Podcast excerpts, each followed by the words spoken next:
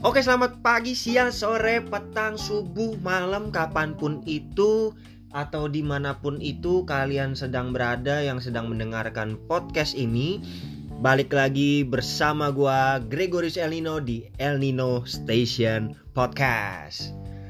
Uh, Di episode kemarin uh, gua bersama kedua temen gua uh, Membahas tentang bagaimana sih rasanya uh, kalau lu punya mantan dan ternyata mantan lu itu ends up with your best friend gitu ya?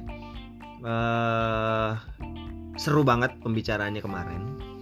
Dan um, gue sih berharap yang belum yang belum dengerin bisa dengerin langsung episodenya uh, dengan judulnya yaitu putus sama lu jadinya sama gue Uh, sering sih itu terjadi di dunia persilatan cinta ya anjay. Yang jurus-jurusnya itu adalah jurus menghilang tanpa sebab terus habis itu jurus cinta bertepuk sebelah tangan itu biasanya jurusnya Yoko tuh yang kayak gitu tuh. Uh, mungkin yang generasi angkatan 2000-an gitu uh, mungkin untuk mendengar nama Yoko gitu agak asing gitu ya ini bukan sejenis uh, tempelan di badan lo yang untuk menghilangkan pegel-pegel koyo gitu bukan ya. Yoko cabe bukan. Itu koyo cabe gitu ya. Uh, ini Yoko gitu. Coba lo um, googling gitu ya. Yoko itu ada dia uh, pesilat ya. Yang saking jago banget dia silat itu ngalahin musuhnya pakai satu tangan. Yang main Andi Lau yo eh, Andi tuh makin jadul lagi kan jadi buat angkatan-angkatan 2000-an gitu yang baru lahir di tahun 2000 persis gitu mungkin uh, masih asing coba lo googling Yoko dengan Yoko Andi Lau gitu ya. Nah uh, terus nah ngomong-ngomong soal uh, temen gitu ya. Itu kan uh, gue membahasnya kemarin kan sama temen gue gitu ya sama sahabat gue gitu. Jadi kalau boleh dibilang semakin ke sini gitu ya. Sahabat-sahabat gue tuh ya hitungan jari sih gitu ya. Jadi kebetulan sahabat gue yang kemarin itu sahabat gue mulai dari gue kuliah sampai sekarang. Nah eh, dan juga ngomongin soal zaman kuliah nih gitu ya. Mungkin masa-masa paling indah orang bilang zaman SMA gitu ya. Zaman SMA terus uh, mungkin ada yang zaman TK gitu ya zaman di mana ya lu nggak ngerti apa-apa gitu. Kerjanya cuma lari-lari main belajar A sampai Z pulang makan tidur main. Tahu-tahu besok sekolah lagi main ya jatuh beset giginya gupil. Uh, terus ya banyak lah yang penting gitu ya yang pasti main gitu ya. Um, ya kalau gue boleh bilang sih sebenarnya masa-masa paling indah kalau menurut gue itu adalah bukan masa TK, SD, SMP, SMA gitu enggak, tapi masa kuliah gitu. Uh, kenapa orang orang kan selalu bilang, oh kenapa nggak SMA? Ya suka-suka gue gitu, podcast podcast gue gitu kan. Jadi gue mau bilang ini masa gue yang paling indah di masa kuliah, kenapa? Ada masalah? Ya itu jadi jadi ngajak ribut ya kan? Nggak jadi intinya adalah yang bikin gua ngerasa zaman kuliah itu zaman terbaik gua adalah karena gua lepas dari uh, apa ya gua akhirnya mandiri pada saat gua SMA gitu. Eh pada saat gua kuliah sorry. Gua waktu kuliah tuh bener-bener gue hidup mandiri sendiri gue bebas banget gitu uh, dan gue kebetulan juga kuliahnya di Jakarta di salah satu universitas terkenal yang uh, sampai saat ini mungkin kalau gue hitung-hitung gue kuliah di situ udah bisa DP mobil. Mungkin beli mobil second dengan mobil mobil city car kali ya city car dengan ha dengan harga tuna dengan dengan tunai gitu ya. Kalau gue hitung-hitung gitu. Nah mungkin penasaran gitu uh, kok bisa gitu gue kuliah di situ sampai ibaratnya sampai mengeluarkan duit yang ibaratnya bisa sampai uh, bisa beli mobil city car gitu ya dengan dengan cara tunai gitu. Ya kurlep. Jadi gini Bray. Ya. uh, gua itu angkatan 2006 dan gua lulus 2013 7 tahun ya. Ya gue sih orangnya selalu melakukan apa pun itu secara maksimal gitu secara maksimal dalam artian ya eh, nggak setengah-setengah. Jadi kalau misalnya memang gue kuliah itu bayar uang masuknya mahal gitu kan gue dikasih batas waktu 7 tahun tuh untuk kuliah. Ya gue habisin lah gitu. Gue juga nggak mau rugi gitu kan. Kenapa gue harus kuliah 4 tahun kalau gue bisa ngabisin 7 tahun gitu loh untuk um, memaksimalkan uang masuk kuliah gue itu gitu. Ya sebenarnya sih itu teori orang tolol sih gitu ya. Tapi somehow itu uh, berhasil gitu buat gue yang ujung-ujungnya adalah gue tetap lulus 7 tahun dengan predikat yang cukup dengan cara sidang skripsi yang seperti sidang sim ya.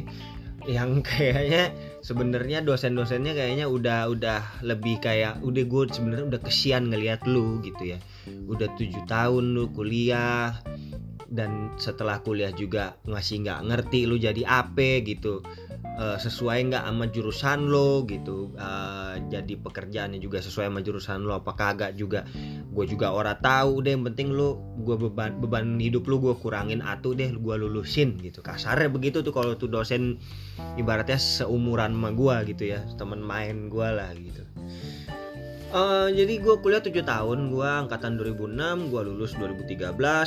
Uh, alasannya kenapa 7 tahun? Tadi yang seperti gue bilang, gue always live the life to the fullest. Jadi um, ya kalau bisa tujuh tahun kenapa harus 4 tahun gitu kan? Uh, terus itu alasan pertama kenapa tujuh ta uh, tahun. Kedua uh, yang kedua adalah gue menikmati banget masa-masa kuliah. Khususnya pada saat masa di mana gue kuliah gue ngerasa bahwa oh ternyata belajar itu ada hari liburnya gitu ya jadi kan kalau sekolah dulu kan hari Senin sampai hari kalau dulu sih gue sekolah sampai hari Sabtu sih. Sabtu tuh gue masih sekolah tuh dulu zaman gue gitu ya. Uh, zaman apa namanya Nokia 3310 yang kalau dilempar ke anjing anjingnya bisa kena apa geger otak. Uh, jadi uh, waktu itu gue masih kuliah eh masih Sabtu tuh masih sekolah gue uh, terus pada saat gue kuliah ternyata pada saat kuliah gue kuliah misalnya nih contoh hari Senin Selasa Rebo gitu. Kemis Jumat Sab Sabtu sama Minggu gue libur gitu.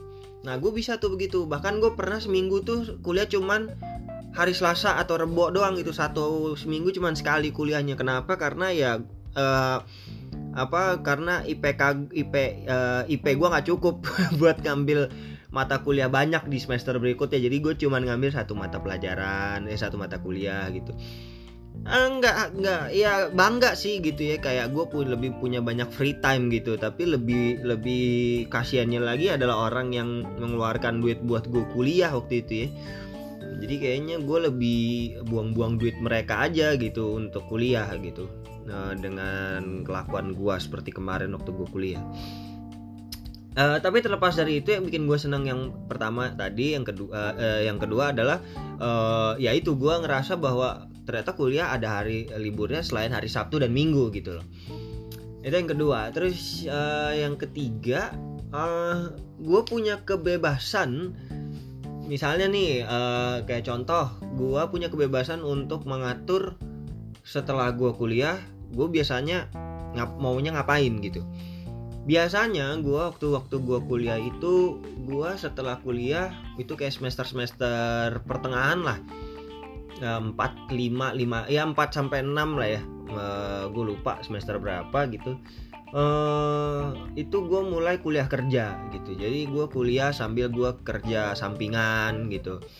Uh, uh, pulang kuliah gue kerja di Starbucks uh, terus gue juga pernah kerja di Blitz Megaplex gitu kan. Uh, walaupun sebenarnya pekerjaannya uh, nggak nggak apa ya nggak berat-berat banget gitu loh.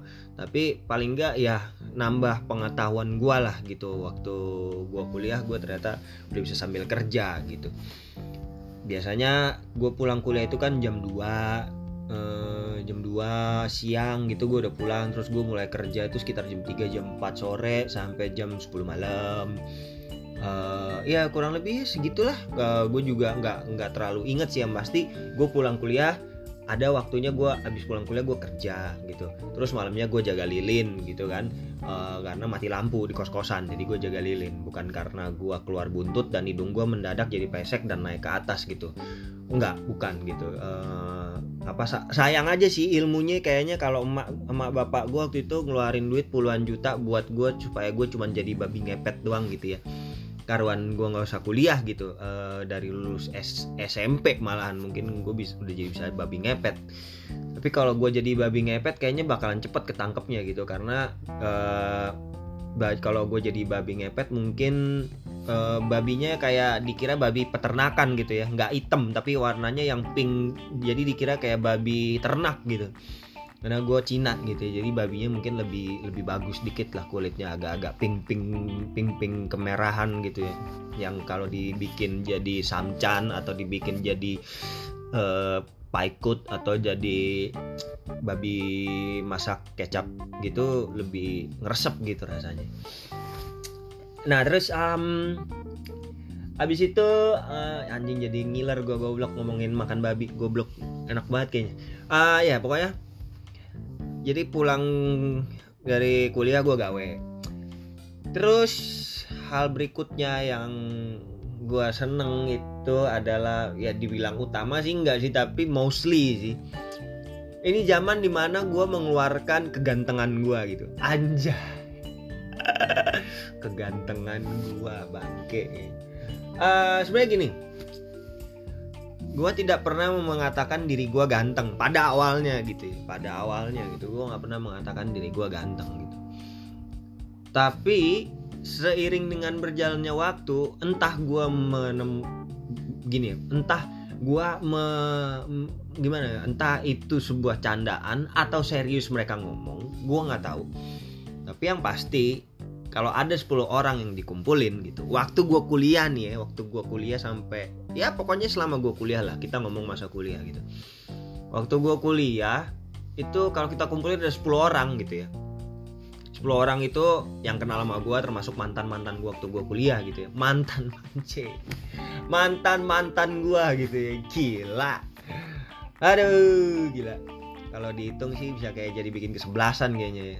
Plus cadangan gitu. Woo! Sekalian gue bikin klub bola gitu. Nah jadi uh, iya kalau dikumpulin gitu 10 orang aja lah nggak usah banyak banyak gitu 10 orang. Ya 8 atau 9 dari 10 itu akan bilang gue ganteng gitu. Wow gila ya keren gak tuh? Nah ini bukan narsis ini bukan narsis. Jadi gini gue gue lebih pengen kayak ngomong kenapa sih orang bisa bilang kak, kak sampai mengakui bahwa dirinya ganteng gitu? Uh, gini mungkin awalnya dia nggak ngerasa dia ganteng gitu. Dia ngerasa ah oh, shit man gue biasa aja gitu loh. Gue kayak ya gue kayak lu gitu loh. Ya biasa aja gitu. Bahkan ada yang ibaratnya uh, duitnya uh, apa namanya ada yang duitnya sekarung bisa lebih ganteng daripada gue padahal kalau kita bisa bilang uh, mukanya ya ya gue gak akan bilang orang lain jelek ya. Tapi uh, karena relatif gitu kan. Ganteng cakep jelek cak, uh, cantik tuh semua relatif gitu. Tapi apa pun itu bisa jadi ganteng kalau lu punya duit gitu kan. Banyak lah contohnya gitu ya artis-artis tuh udah banyak banget lah contohnya gitu. Uh, si lakinya atau si perempuannya gitu uh, ya ya udahlah gitu. Gua nggak akan me, menyebutkan nama gitu ya karena pada saat nanti kalau ditanya kenapa mau sama dia? Cinta. Hari gini cinta. Wih gila.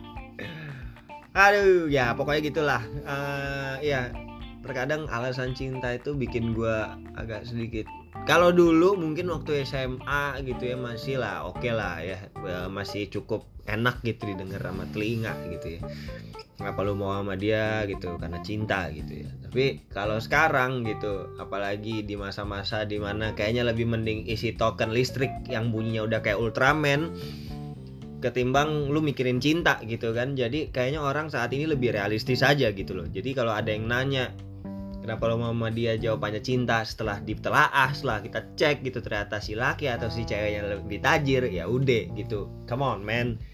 Kalau memang itu cuman jawaban lu uh, apa ibaratnya pencitraan ya udahlah. Kita tutup mata ya udah. Itu udah urusan lo gitu ya. Nggak mau terlalu bercampur.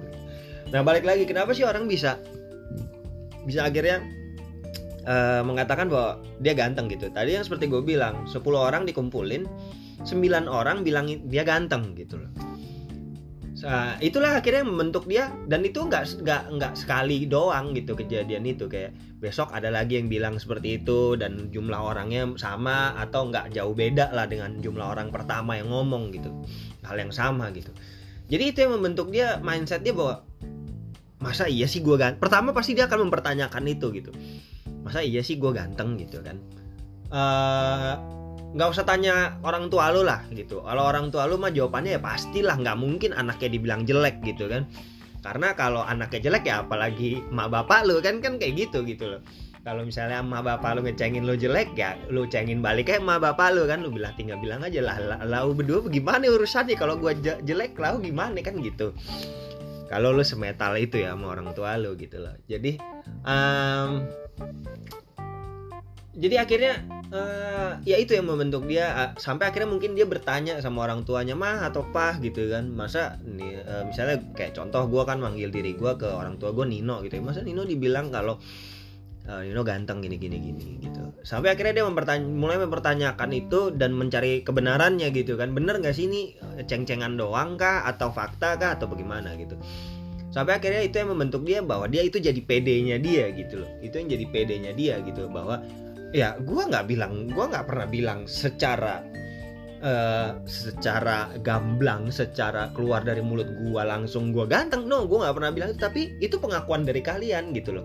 Karena pengakuan dari kalian itulah itu yang membentuk gue kenapa gue ambil? Karena itu nilai yang positif gitu loh gue dibilang ganteng itu positif ya. Gue ambil ya gue ya lama-lama predikat itu nempel di gue akhirnya itu yang membuat pembawaan gue pembawaan gue jadi ya gue mengikuti pembawaan gantengnya gue gitu loh. Kayak contoh misalnya kalau lu ganteng lu mau pakai baju robek atau mau pakai baju rapih gitu juga tetap akan ganteng gitu kan uh, lu mau gondrong lu mau rambut pendek ya kan? Lu mau sendal jepitan doang atau lu mau nyeker sekalipun ya lu akan tetap ganteng gitu. Lu mau kurus lu mau gemuk kalau lu ganteng ya ganteng gitu.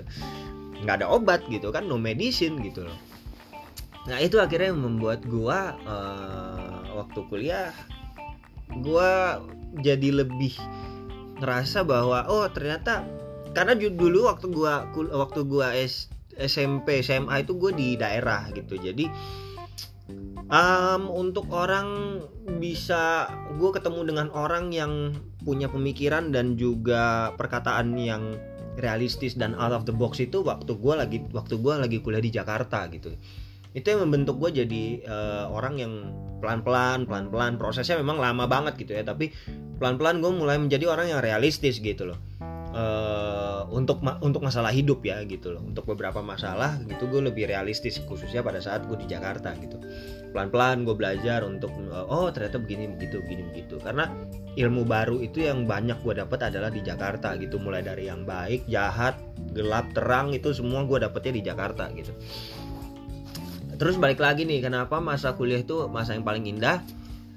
Karena ya itu tadi pada saat orang sering bilang gue ganteng akhirnya gue jadi pede gitu akhirnya gue punya uh, eh, gue sempat punya beberapa mantan gitu ya waktu gue kuliah gitu. Menarik ya menarik asik sih. Uh, ya ya uh, kalau boleh dibilang sih bahkan gue pernah merebut pacar orang juga pernah. Terus habis itu jadian cuman beberapa hari minggu bulan juga pernah gitu. Uh, gue pernah ibarat ya gue bisa dapetin yang lain uh, uh, bisa dapetin yang lebih cakep daripada cewek gue yang waktu itu gue putusin cewek gue terus habis itu gue ngejar yang berikutnya yang lebih cakep gitu ya. Nggak dapet sih kan goblok gitu ya. Uh, tapi ya paling nggak at least I tried gitu ya. At least I tried. And then um um ke jadi ternyata pada saat gua nggak ada momen di mana oh ternyata gantengnya gua ini gantengnya gue ini tuh ada ada thresholdnya men gitu loh. Ada ada batasannya gitu untuk gue gunakan gitu loh. Jadi ibaratnya kayak kayak main game RPG gitu ya. Uh, ternyata uh, skill ganteng lu ini tuh ada beberapa level atau beberapa stage gitu yang skill ganteng lu ini nggak bisa dipakai gitu loh. Jadi emang ada skill lain yang diperlukan yang untuk menunjang bahwa uh, ganteng lu ini bisa dipakai gitu selain cuman ngandelin komuk doang gitu kan. Nah jadi lu kalau misalnya ya kalau sekarang sih gue nggak tahu ya gitu. Keadaan sekarang ini komuk masih berpengaruh apa enggak cuman setahu gue makin ke sini keadaan makin realistis. Kalau ngandelin komuk doang tapi otak yang nggak ada ya susah juga gitu. Uh, bahkan bahkan orang lebih milih ya udah komuk biasa aja tapi yang penting lu pinter bisa cari duit. Bukan bisa cari duit berduit gitu ya. Berduit gitu mau berduit atau bisa cari duit yang penting lu berduit gitu nggak mau tahu caranya gimana. Nah jadi uh, akhirnya pada saat gue kuliah itu gue ngerasa bahwa oh ternyata ini yang membuka mata gue gitu loh. Ini yang membuka mata gue bahwa uh, ternyata ganteng aja nggak cukup men gitu loh. Lo harus punya skill penunjang lagi yang lainnya gitu. Kayak uh, kayak kecerdasan uh, talent gitu. Uh, terus um, apa bisa mengambil mengambil hati orang lain ya, untuk hal yang positif gitu ya. Banyak hal gitu loh yang yang harus uh, menopang si kegan, rasa ganteng ini gitu. Jadi uh, kalau boleh dibilang kalau ada yang nanya gitu ya ganteng tuh sebenarnya perlu gak sih ngerasa ganteng gitu rasa ganteng sih perlu-perlu aja gitu itu yang nambah pede lo gitu. Tapi kalau ngera kegantengan ngerasa kegantengan nah itu beda gitu ya. Ganteng ganteng sama ngerasa kegantengan tuh beda men gitu. Jadi gini jangan sampai lu mengakui bahwa diri lu itu ganteng tapi orang lain enggak contoh misal um, ada dua ada ada. Kayak misalnya kayak gua sama salah satu orang lah misalnya gitu. Gua nggak tahu siapa gitu. Ya jalan uh, masing uh, dengan masing-masing gitu. Terus um, and then orang-orang ngeliat lebih sering ngeliatin ke gua daripada ngeliatin temen gue yang satu ini misalnya gitu. Padahal gayanya dia lebih all out. Gue yang cuman uh, biasa aja gitu yang ya udah standar lah gitu kan uh, casual banget gitu loh. Gak gaya gue yang santai cool banget yang biasa banget gitu. Tapi orang lebih sering melihat ke gue gitu ketimbang temen gue nah uh, terus ini terus ini sih sebenarnya true story sih sebenarnya. Jadi gue pernah aja ini jadi gue cerita aja ya. Jadi gini uh, jadi gini. Gue lagi jalan sama temen gue berdua gitu ya. Berdua sama temen gue di suatu mall lah ya waktu itu. Sebelum keadaan kayak sekarang uh, mall nggak boleh masuk lagi ditutup dan lain tai kucing ini. Dengan keadaan ler ini ya sebelum sebelumnya ya waktu keadaan masih enak banget gitu uh, terus gue lagi jalan sama temen gue berdua di mall. Teman gue laki uh, waktu itu uh, tenang. Gue masih suka sama perempuan uh, gue masih normal gue pergi jalan sama dia karena waktu itu gue mau ngapain waktu itu? Gue lupa mau ngapain gitu. Nah jadi gue jalan sama dia. Terus pada saat jalan ya dia karena dia baru pulang dari kantor dia masih pakai pakaian kantor gitu sedangkan gue uh, apa gue waktu itu nggak gawe ya? Gue nggak gawe atau kenapa ya? Gue lupa waktu itu. Pokoknya gue pakai baju biasa doang gitu celana jeans kaos gitu yang ya sih ya ya seperti biasa gitu lah. Tapi ya paling nggak uh, apa namanya ya nggak rap ya nggak berantakan dan nggak jorok gitu ya. Uh, apa uh, pakai kaos tapi bagian pentilnya kelihatan gitu kan enggak gitu ya tapi yang penting rapih gitu. Nah, terus kita lagi jalan tiba uh, ya boleh dibilang sih mallnya ini mall yang ibaratnya nggak nggak ya mall yang nggak terlalu yang nggak terlalu mewah-mewah banget lah gitu kan. Di Jakarta kan banyak tuh mall yang ibaratnya lu mau ke mall aja kayak lu mau ke pesta dansa gitu kan. Yang kayak lu mau ke pesta pernikahannya uh, siapa? Ke pesta pernikahannya 100 di, di pesta pernikahan salah satu anak orang terkaya di Jakarta gitu kan. Padahal tuh lu mau ke mall doang gitu lu pakai dress lu pakai high heels gitu dengan rambut udah dicatok wanginya kayak dari mulai dari pintu masuk sampai pintu exit tuh wanginya lu doang gitu ya uh, gue bingung dah tuh itu badan apa CNF perfumery ya gue juga nggak tahu gitu. Tapi intinya seperti itu gitu. Uh, terus jadi mall ini mall biasa lah yang nggak terlalu high class dan juga nggak ya ya ya ya standar lah gitu. Dan pada saat gue jalan sama temen gue itu ya gue ngerasa gue banyak mata-mata uh, mata-mata elang ya. Anjing mata-mata elang goblok. Uh, mata-mata yang ngelihat ke gue gitu loh uh, khususnya perempuan gitu. Dan ya laki juga ada gitu. Karena for your information katanya temen gue gue ini adalah tipe muka cowok yang disukai oleh dua dunia gitu laki dan perempuan gitu. Gue juga nggak tahu antara mau bersyukur atau mau sedih sih. Tapi ya udahlah ya paling nggak at least gitu uh, menurut mereka gue masih enak dilihat gitu. Nah terus uh, akhirnya temen gue tuh sampai nanya gitu sama gue lu pakai pelet ya sob? Gitu. Anjing gue bilang tai lu pakai pelet. Pelet apaan? Gue bilang gitu. Pelet ikan. Kagak bukan maksudnya kok kayaknya tuh mereka tuh tertarik gitu loh ngelihat lo apa segala. Ya gue nggak ngerti men gitu loh. Gue nggak pernah minta supaya mereka tertarik untuk ngeliat ke gue gitu. Ya lu lihat aja gaya gue gitu. Rapian juga lu gitu ketimbang gue gitu kan. Rapian juga lu daripada gue terus kenapa kenapa gue lebih dilihat ya juga gue nggak tahu gitu Iya, terus dia bilang ya mungkin lu ketolong sama putih gitu ya. Oke lah, let's say misalnya gue ketolong sama putih gitu. Tapi putih juga kalau misalnya mata gue ngeker uh, kayak sniper juga uh, nggak nggak ngaruh juga gitu kan. Maksudnya yang penting tuh pembawaan gitu loh. Nah pembawaan itu gimana sih kalau misalnya uh, kita tahu nih ternyata mungkin dia minder gitu ya, minder. Uh, mungkin dia minder apa namanya dia minder dia nggak nggak nggak nggak bisa ngerasa seganteng seganteng beberapa orang yang lain gitu ada sih sebenarnya caranya ini yang sering gue uh, ini sebenarnya sih nggak sering gue lakuin gitu tapi sering gue ngomongin gitu ke teman gue gitu kita ini kan manusia dengan berbagai macam talenta ya gitu kan. Berbagai macam skill. Kayak contoh gue misalnya gue punya talent adalah gue bisa nyanyi gitu. Walaupun suara gue nggak bagus-bagus banget gitu. Tapi at least ya kalau gue manggung di kafe beberapa kafe ya mereka uh, seneng dengan suara gue gitu. Bahkan gue pernah manggung di kafe yang karena gue manggung situ jadi rame. Teman-teman gue eh, maksudnya jadi punya teman banyak apa jadi banyak teman baru dan saking ramenya gue jadi nggak dibayar di kafe itu sampai sekarang gitu. Cie curhat gitu ya. Uh, ya pokoknya gitu. Terus uh, jadi pada saat gue nyanyi gitu itu itu pedometer gue naik. Jadi talent gue gue pakai talent gue ini gue pakai untuk jadiin senjata biar gue pede gitu loh.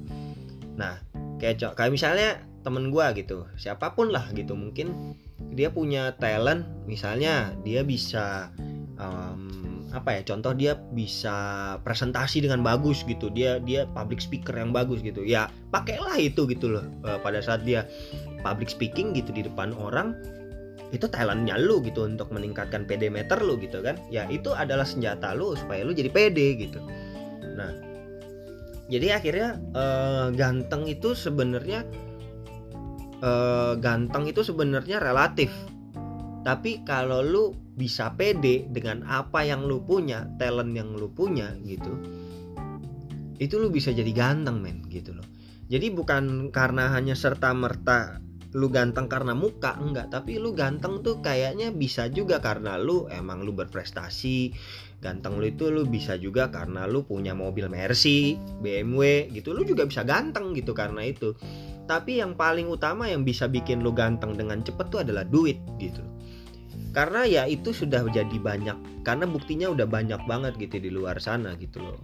E, muka lu kayak tapir tapi duit lu tajir melintir ya orang nggak ngelihat muka lu kayak tapir gitu. Ya jadi kalau lu mau cepet e, ngerasa ganteng lu cepet naik ya lu berduit aja dulu gitu.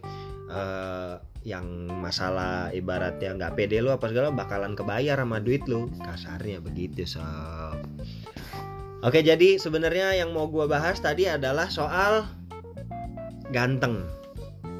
Nah eh buat teman-teman semoga terhibur dengan edisi podcast gue kali ini.